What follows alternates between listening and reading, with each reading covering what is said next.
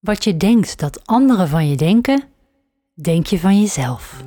Deze podcast is voor jou als je een zelfbewuste vrouw bent die klaar is om het roer van haar leven weer helemaal in eigen hand te nemen. De Creatiekracht Podcast gaat over praktische spiritualiteit om jou te helpen transformeren tot een stralende Wonder Woman die weer barst van de energie. Ben jij ready voor je reset? Let's go! Hey Sunshine, leuk dat je luistert naar weer een nieuwe Selfcare Sunday aflevering van de Creatiekracht podcast. En vandaag is hij anders dan ehm, alles wat je misschien tot nu toe beluisterd hebt in de Selfcare Sunday. Want meestal is dat een meditatie of een ontspanningsoefening. Maar vandaag ga ik ehm, iets anders doen. Vandaag ga ik eigenlijk een eigen droom uit laten komen. ja, ik bedoel, hè, je moet het toch zelf doen. Je kunt, het, je, kunt je wens, je gedachten, de, de kosmos insturen, onthechten en kijken wat er komt. Nou, een kleine inleiding. Um, wat niet veel mensen van mij weten, is dat ik vorig jaar rond deze tijd startte aan een basiscursus stem acteren. En in die basiscursus leer je of mag je proeven van een les. Reclame inspreken, documentaire inspreken, tekenfilm inspreken. Erg vermoeiend, maar oh zo leuk.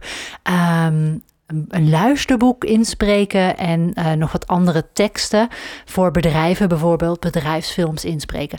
Dus daar mag je dan allemaal mee oefenen.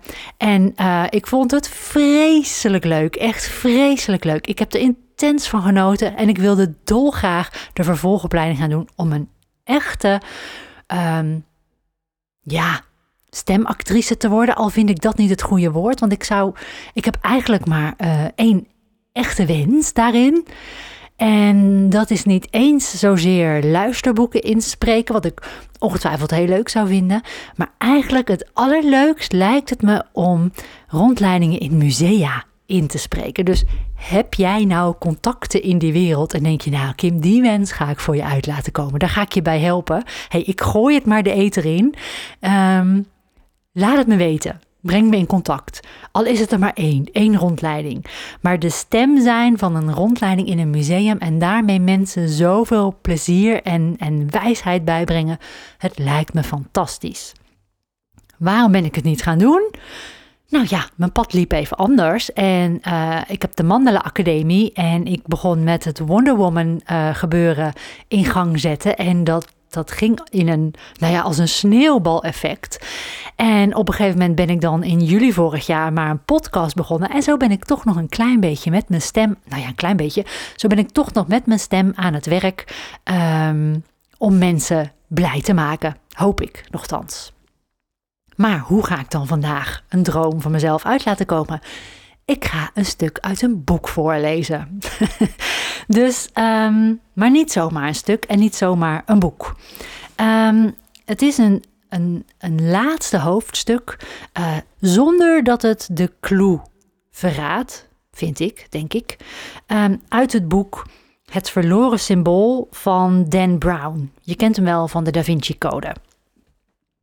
En um, in het laatste hoofdstuk van dit boek ontstaat een heel mooi gesprek tussen twee personen uit het boek, Catherine en Peter Langdon, die ook de hoofdpersoon was in de Da Vinci Code, wat veel mensen hebben gelezen of de film gezien. Um, over um, hoe eigenlijk alle religies uh, verkeerd nou ja, verkeerd uitgelegd worden klinkt zo onaardig, maar um, uiteindelijk wel op hetzelfde neerkomen. En dat veel mensen die kern van de religie uh, vergeten zijn of ze gewoon nooit verteld is. En als ik iets belangrijk vind in de wereld, is het harmonie. Ik bedoel, ik ben een weegschaal, dol op harmonie. En als ik iets niet begrijp, is het uh, dat mensen allemaal een verschillend geloof aanhangen. En dat dan ook nog kunnen gebruiken naar zichzelf verantwoorden als reden om iemand anders niet aardig te vinden. Ik heb, en dan zeg ik het dan netjes, daar heb ik moeite mee, laat ik het zo zeggen. Um, ieder moet dat moet voor zich weten waar hij in gelooft, waar hij zijn kracht en zijn liefde en zijn hoop vandaan haalt. Absoluut. Maar dit hoofdstuk Um, ja, ik zou bijna zeggen, geef het een kans. Want het is, het, ik vond het zo mooi geschreven en uitgelegd. Ehm, dat ik dacht, ik ga gewoon eens een stuk uit een boek voorlezen. Ik weet helemaal niet of dit mag qua copyright of wat dan ook. Um, nou ja, dan als je deze podcast, uh, ik zou zeggen, luister hem dan snel, want het kan zomaar zijn dat hij dus weer verdwijnt. Maar ik doe het met de beste intenties en um, ja, lees ook gewoon anders absoluut het hele boek. Um, ik wil je best mijn kopie toesturen. Ik heb hem ook uit een kringloopwinkel voor 2,5 euro. Dus de, hij staat overal, het verloren symbool van Dan Brown. En ik ga dus een stuk voorlezen uit uh, hoofdstuk 133. Ga er of lekker voor zitten, of zoals iemand me vandaag schreef, neem me mee op je wandeling en luister. De schildering op de koepel is absoluut verbijsterend, zei Catherine, met haar hoofd ver naar achteren om de pracht van de apotheose volledig in zich op te nemen mythische goden samen met uitvinders en hun scheppingen, en dan te bedenken dat dit beeld het hart van ons kapitool domineert. Langdon richtte zijn blik omhoog, naar de reusachtige figuren van Franklin, Fulton en Morse met hun technologische uitvindingen. Een stralende regenboog, die leek op te stijgen uit het groepje, leidde het oog naar de op een wolk ten hemel stijgende George Washington de grootste belofte van de mens die zich verheft tot de goddelijke status. Het is alsof de volledige essentie van de oude mysterie hier boven de rotunda hangt. Lengde moest toegeven dat er niet veel fresco's op de wereld waren die wetenschappelijke uitvindingen combineerden met mythische goden en de apotheose van de mens. De spectaculaire schildering op dit plafond vertegenwoordigde inderdaad de boodschap van de oude mysteriën en bevond zich niet voor niets hier. De Founding Fathers hadden Amerika gezien als een leeg doek dat een vruchtbare akker vormde voor de zaden van de mysteriën. Vandaag hing dit verheven icoon, de vader van de natie die ten hemel steeg, zwijgend boven de wetgevers, leiders en presidenten van het land, als een nadrukkelijke wenk, een wegwijzer naar de toekomst. Een belofte van het moment waarop de mens zijn volle spirituele rijpheid zou bereiken. Robert, fluisterde Catherine, die haar blik gericht hield op de enorme figuren van de grote uitvinders van het land, vergezeld door Minerva. Dit is echt profetisch.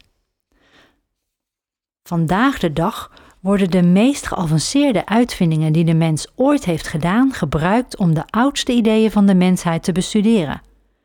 De noetische wetenschap mag dan nieuw zijn, maar in feite is het de oudste wetenschap ter wereld, namelijk die welke zich bezighoudt met het bestuderen van de menselijke gedachten. Met een blik van verwondering keerde ze zich naar hem toe. En we komen tot de ontdekking dat de ouden een dieper begrip hadden van de menselijke gedachten dan wij. Nou, dat lijkt me logisch, antwoordde Langdon. De menselijke geest was de enige technologie die de ouden tot hun beschikking hadden. Dus de eerste filosofen deden niets anders dan die geest bestuderen. Precies. De oude teksten gaan telkens weer over de macht van de menselijke geest. De Veda's beschrijven de stromende geestesenergie.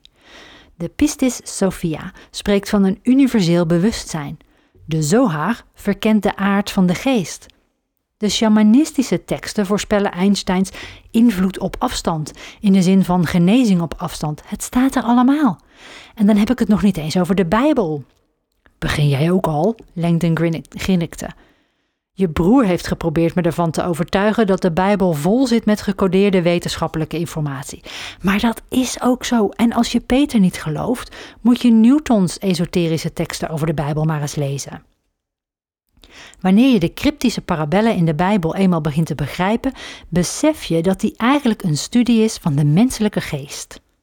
Lengden haalde zijn schouders op. Nou, die moet ik er dan inderdaad nog maar eens bij pakken. Eén vraag, begon ze en het was duidelijk dat ze zijn sceptisch niet kon waarderen.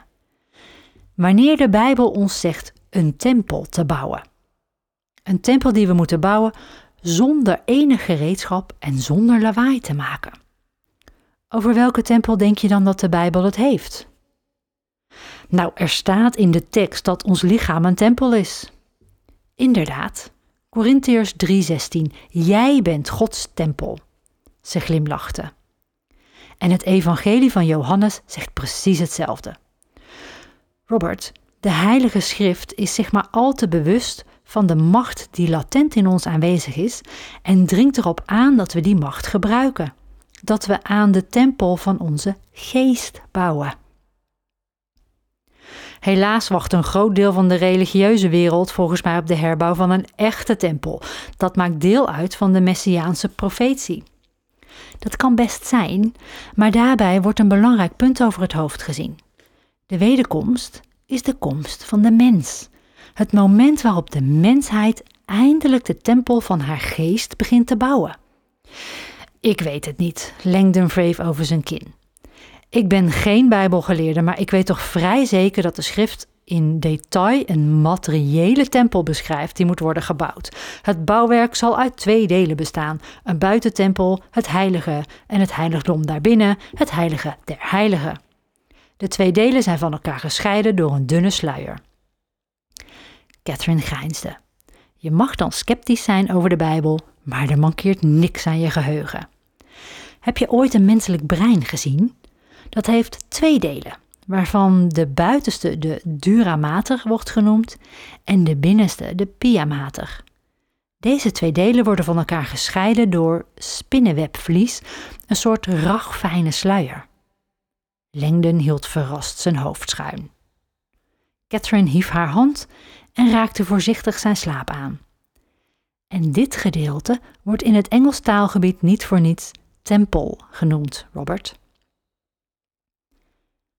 Terwijl Langdon haar woorden op zich liet inwerken, moest hij ineens denken aan het gnotisch evangelie van Maria. Waar het bewustzijn is, daar is de schat.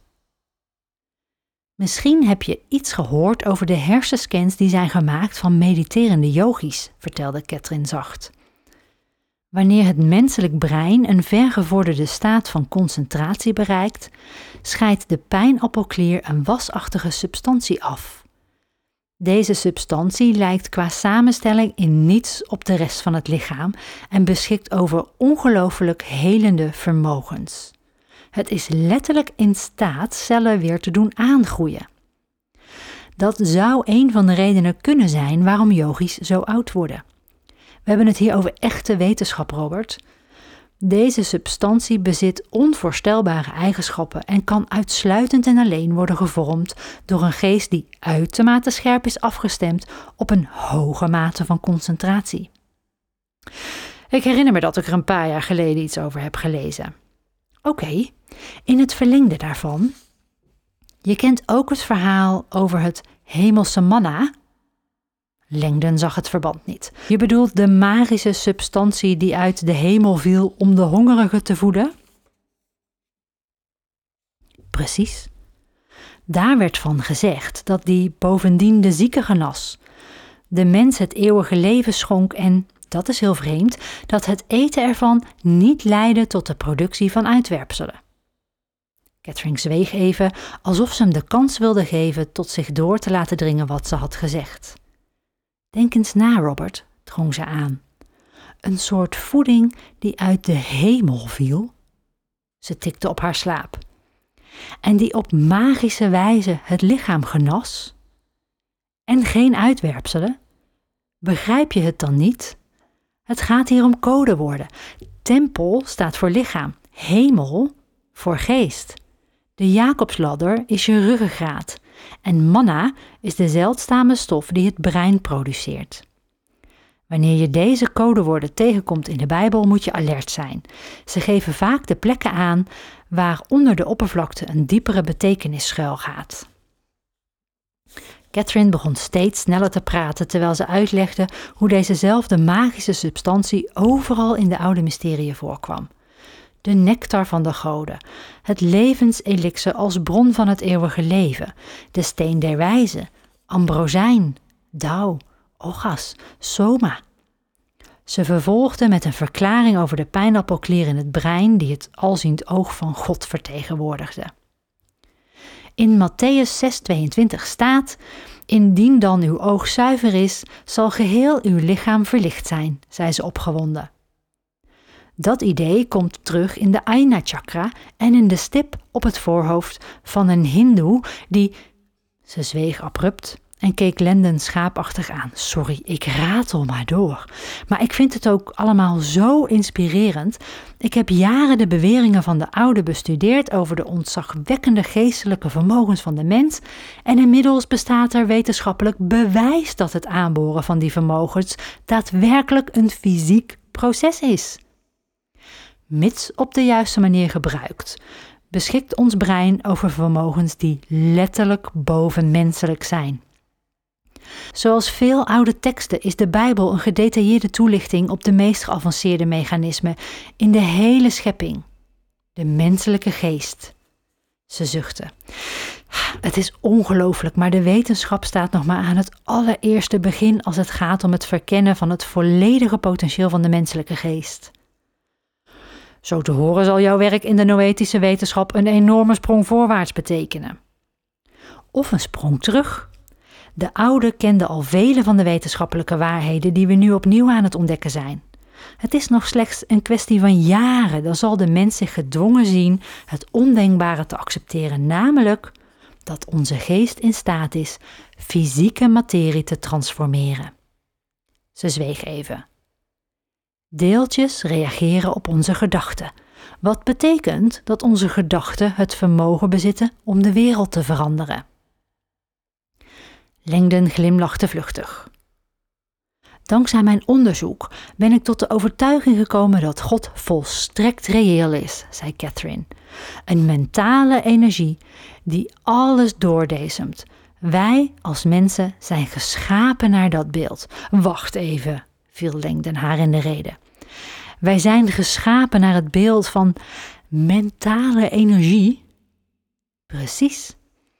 Onze fysieke lichamen zijn in de loop der eeuwen geëvolueerd, maar het is onze geest die naar het beeld van God werd geschapen. We hebben de Bijbel altijd veel te letterlijk genomen. Ons wordt geleerd dat God ons heeft geschapen naar Zijn beeld, maar het gaat niet over ons fysieke lichaam, het gaat over onze geest. Langdon hulde zich in stilzwijgen, volledig in beslag genomen door wat hij had gehoord. Dat is het grote geschenk, Robert, en God wacht op het moment waarop we dat beseffen. Over de hele wereld kijkt de mens omhoog naar de hemel en wacht op God, zonder te beseffen dat God wacht op ons. Catherine zweeg om haar woorden tot hem door te laten dringen. We zijn scheppers, maar in onze naïviteit spelen we de rol van geschapenen. We zien onszelf als hulpeloze schapen die op de proef wordt gesteld door God die ons heeft geschapen. We knielen neer als angstige kinderen, smekend om hulp, om vergiffenis, om geluk. Maar wanneer we eenmaal beseffen dat we waarlijk zijn geschapen naar het beeld van de Schepper, zullen we eindelijk gaan begrijpen dat wij ook scheppers moeten zijn. Wanneer we dat beseffen, zullen de deuren voor het menselijk vermogen wijd opengaan. Langdon dacht aan een passage uit het werk van de filosoof Manly P. Hall, die hem altijd was bijgebleven. Als de oneindige niet had gewild dat de mens wijs was, zou hij hem niet het vermogen tot weten hebben geschonken. Langdon keek weer omhoog naar de apotheose van Washington, het symbolische opstijgen van de mens naar een goddelijke status. De geschapene die schepper wordt. Het meest verbazingwekkende, vervolgde Catherine, is dat zodra wij mensen onze waarlijke vermogens gaan gebruiken, we een enorme macht blijken te kunnen uitoefenen op onze wereld. Dan zullen we in staat zijn de werkelijkheid te creëren in plaats van daar alleen maar op te reageren. Langdon richtte zijn blik weer op haar. Dat klinkt gevaarlijk. Catherine keek verrast. Ze was duidelijk onder de indruk. Precies. Als gedachten de wereld beïnvloeden, dan moeten we heel zorgvuldig zijn met wat we denken. Destructieve gedachten hebben ook invloed. En we weten allemaal dat het aanzienlijk makkelijker is om te vernietigen dan om te scheppen. Lengden dacht aan de traditionele overleveringen die waarschuwden dat de oude wijsheid beschermd diende te worden tegen de onwaardige en alleen mocht worden gedeeld met de waarlijk verlichten. Hij dacht aan het Invisible College en aan de waarschuwing van de grote schepper Isaac Newton. Aan Robert Boyle om volstrekte stilte in acht te nemen over hun geheime kennis.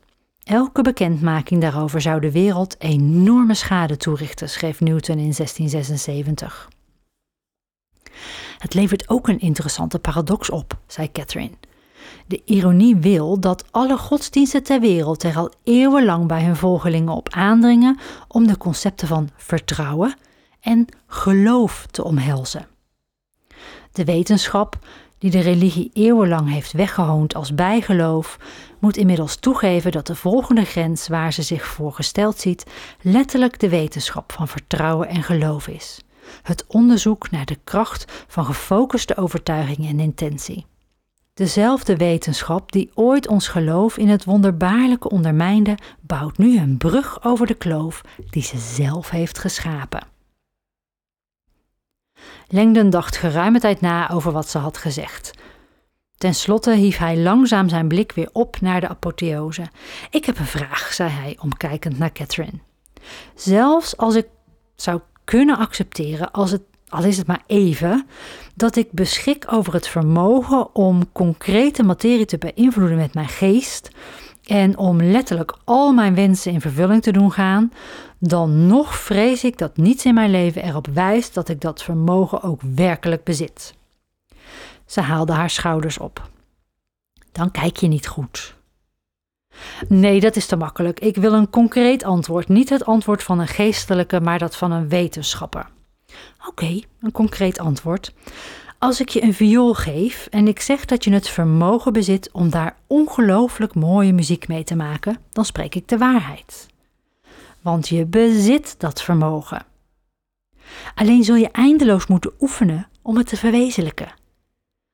Met het gebruik van je geestelijke vermogens is het net zo. Het richten van je gedachten is een vaardigheid die je moet leren. Om een intentie te verwezenlijken heb je een focus nodig als een laser. Volledige visualisatie en een diep geworteld geloof in je eigen vermogens. Dat hebben we bewezen in het lab. En net als bij het bespelen van een viool legt de ene mens een groter natuurlijk vermogen aan de dag dan de andere. Kijk naar de geschiedenis.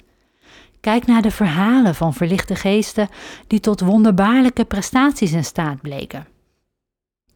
Catherine, je gaat me toch niet vertellen dat je gelooft in wonderen. Laten we alsjeblieft serieus blijven. Water dat veranderde in wijn, de zieken die werden genezen door handoplegging. Catherine ademde diep en blies die langzaam weer uit. Ik heb met mijn eigen ogen gezien hoe mensen kankercellen lieten veranderen in gezonde cellen, simpelweg door ze gezond te denken. Ik heb ontelbare voorbeelden gezien van de menselijke geest die de fysieke werkelijkheid beïnvloeden. En wanneer je dat eenmaal ziet gebeuren, wanneer dat deel gaat uitmaken van je werkelijkheid, dan worden sommige wonderen waarover je leest simpelweg een kwestie van gradatie. Langdon keek haar pijnzend aan. Het is een inspirerende manier om naar de wereld te kijken, Catherine, maar voor mij is het een stap die ik onmogelijk kan zetten. Het is iets wat ik domweg niet kan geloven. Zoals je weet heb ik altijd al moeite gehad met het geloof. Zie het dan niet als geloof. Zie het simpelweg als het veranderen van je perspectief. Als accepteren dat de wereld niet helemaal is zoals jij je die voorstelt. Je ziet het in de geschiedenis. Elke grote wetenschappelijke doorbraak is begonnen met een simpel idee dat al onze overtuigingen onderuit dreigde te halen. De uitspraak de aarde is rond werd bespot als volstrekt onmogelijk, omdat de mensen geloofden dat de oceanen dan zouden leeglopen. Heliocentrisme werd beschouwd als ketterij. Kleine geesten hebben altijd vernietigend uitgehaald naar wat ze niet begrepen. Er zijn mensen die scheppen, maar er zijn er ook die neerhalen. Die dynamiek heeft altijd bestaan, maar uiteindelijk vinden de scheppers mensen die in hen geloven. De volgende stap is dat de gelovigen een kritische massa bereiken. En plotseling is de wereld rond, wordt het zonnestelsel heliocentrisch.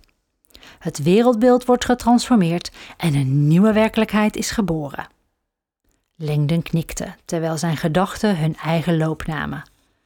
Kijk je raar, zei Catherine. Ach, ik weet het niet. Om de een of andere reden moet ik eraan denken hoe ik s'avonds laat met de kano het meer oppeddelde. Daar ging ik dan lang uit liggen, ik keek naar de sterren en dacht na over dit soort vragen. Ze knikte begrijpend. Ik denk dat we allemaal wel een soortgelijke herinnering hebben. Dat je ergens op je rug naar de hemel lag te kijken en dat je geest zich openstelde. Ze keek omhoog naar het plafond. Geef me je jasje eens. Wat? Hij trok het uit en gaf het haar. Ze vouwden het op en legden het op de loopbrug als een langgerekt kussen. Ga liggen. Langdon ging op zijn rug liggen en Catherine legde zijn hoofd op een deel van het opgevouwen jasje. Daarna volgden ze zijn voorbeeld en daar lagen ze, als twee kinderen, schouder aan schouder op de smalle loopbrug, omhoog kijkend naar Bromidi's enorme fresco. Oké, fluisterde. Probeer je diezelfde situatie in te denken als een kind in een kano, omhoog kijkend naar de sterren, zijn geest open en vol verwondering. Hoewel Langdon probeerde te doen wat ze zei, werd hij plotseling overspoeld door een golf van uitputting terwijl hij daar lag, comfortabel en lang uit. Zijn zicht vervaagde, maar de aanblik van de wazige vorm boven hem maakte hem meteen weer klaar wakker. Zie ik dat goed? Hij begreep het niet. Hij begreep niet dat het hem niet eerder was opgevallen. De figuren van de apotheose van Washington waren duidelijk in twee concentrische cirkels geschikt. Een cirkel in een cirkel. De apotheose is ook een cirkel met een punt. Onwillekeurig vroeg hij zich af wat hem die avond nog meer was ontgaan. Ik moet je iets belangrijks vertellen, Robert. Er is nog een aspect aan dit hele verhaal. Een aspect dat naar mijn overtuiging het meest verbazingwekkende is van al mijn onderzoek. Er is nog meer? Catherine werkte zich op één elleboog overeind. En ik beloof je, als wij mensen deze ene simpele waarheid oprecht leren begrijpen, zal de wereld van de ene op de andere dag veranderen. Daarmee had ze zijn volle aandacht. Om te begrijpen wil ik je herinneren aan de vrijmetselaarsmantra's om te verzamelen wat is verstrooid, om orde te creëren in de chaos en om te komen tot eenwording. Ga door. Langdon was geïntrigeerd. Catherine keek glimlachend op en neer. We hebben wetenschappelijk bewezen dat de macht van de menselijke gedachte exponentieel toeneemt met het aantal mensen die eenzelfde gedachte delen. Langdon zei niets, zich afvragend waar ze heen wilde. Wat ik probeer te zeggen is: twee hoofden zijn meer dan één, maar twee hoofden zijn niet twee keer zoveel als één. Ze zijn vele, vele malen meer. Wanneer heel veel mensen hetzelfde denken, versterkt dat het effect van een gedachte exponentieel. Dat is ook de inherente kracht van gebedsgroepen en healingcirkels, van samen zingen en massaal je geloof beleiden. Het idee van het universele bewustzijn is geen etherisch New Age concept. Het is een keiharde wetenschappelijke werkelijkheid. En als we die onder controle krijgen, kan dat onze wereld transformeren. Dat is de onderliggende ontdekking van de Noetische wetenschap. En het gebeurt al op ditzelfde moment. Je kunt het overal om je heen voelen. De technologie verbindt ons op manieren die we nooit voor mogelijk hadden gehouden. Twitter, Google, Wikipedia en ga zo maar door. Allemaal samen creëren ze een netwerk van onderling verbonden geesten. Ze lachten. En ik garandeer je dat zodra ik de resultaten van mijn werk publiceer, de Twitteratie elkaar tweets zullen sturen met bezig me te verdiepen in de noetiek. Waarop de, waarop de belangstelling explosief en exponentieel zal toenemen. Langdons ogen werden ondraaglijk zwaar. Zal ik je eens wat vertellen? Ik weet nog steeds niet hoe ik een Twitter moet versturen. Een tweet, verbeterde ze hem lachend. Hè, wat? Laat maar, doe je ogen dicht. Ik maak je wel wakker wanneer het tijd is. Langdon besefte dat hij de oude sleutel die de bouwmeester hun had gegeven al bijna was vergeten. Net als de reden waarom ze hier waren. Er spoelde opnieuw een golf van uitputting over hem heen en hij sloot zijn ogen. In de duisternis van zijn geest merkte hij dat hij nadacht over het concept van het universele bewustzijn.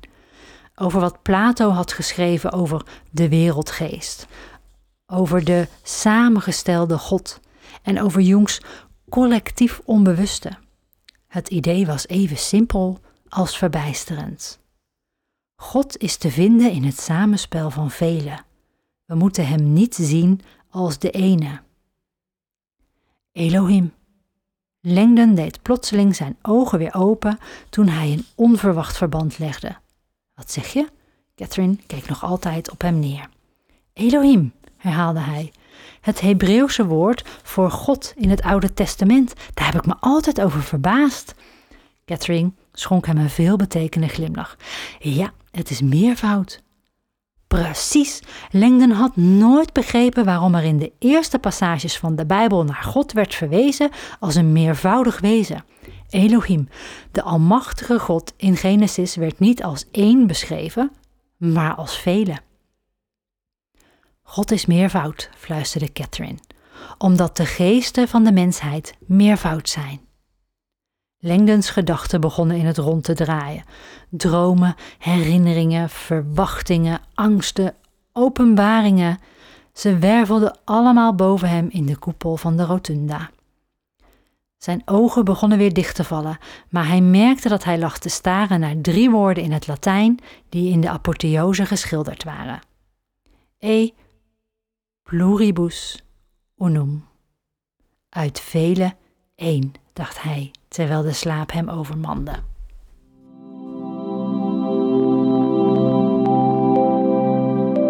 Geniet nog even lekker na van deze Self-Care Sunday. Wil je één keer per maand even inchecken met jezelf hoe het met je gaat, of je nog op het pad van je dromen loopt en waar je intenties of wensen misschien nog een klein beetje bijsturing kunnen gebruiken? Doe dan eens mee met de online workshop Wonder Woman Wensen. Elke nieuwe maan is er een nieuw thema dat jouw droomleven dichterbij haalt. Voor wonderlijke mail in je inbox kun je je ook gratis inschrijven voor Wonder Woman Vibes. De links vind je in de beschrijving. Heb een fijne dag. Ciao Bella.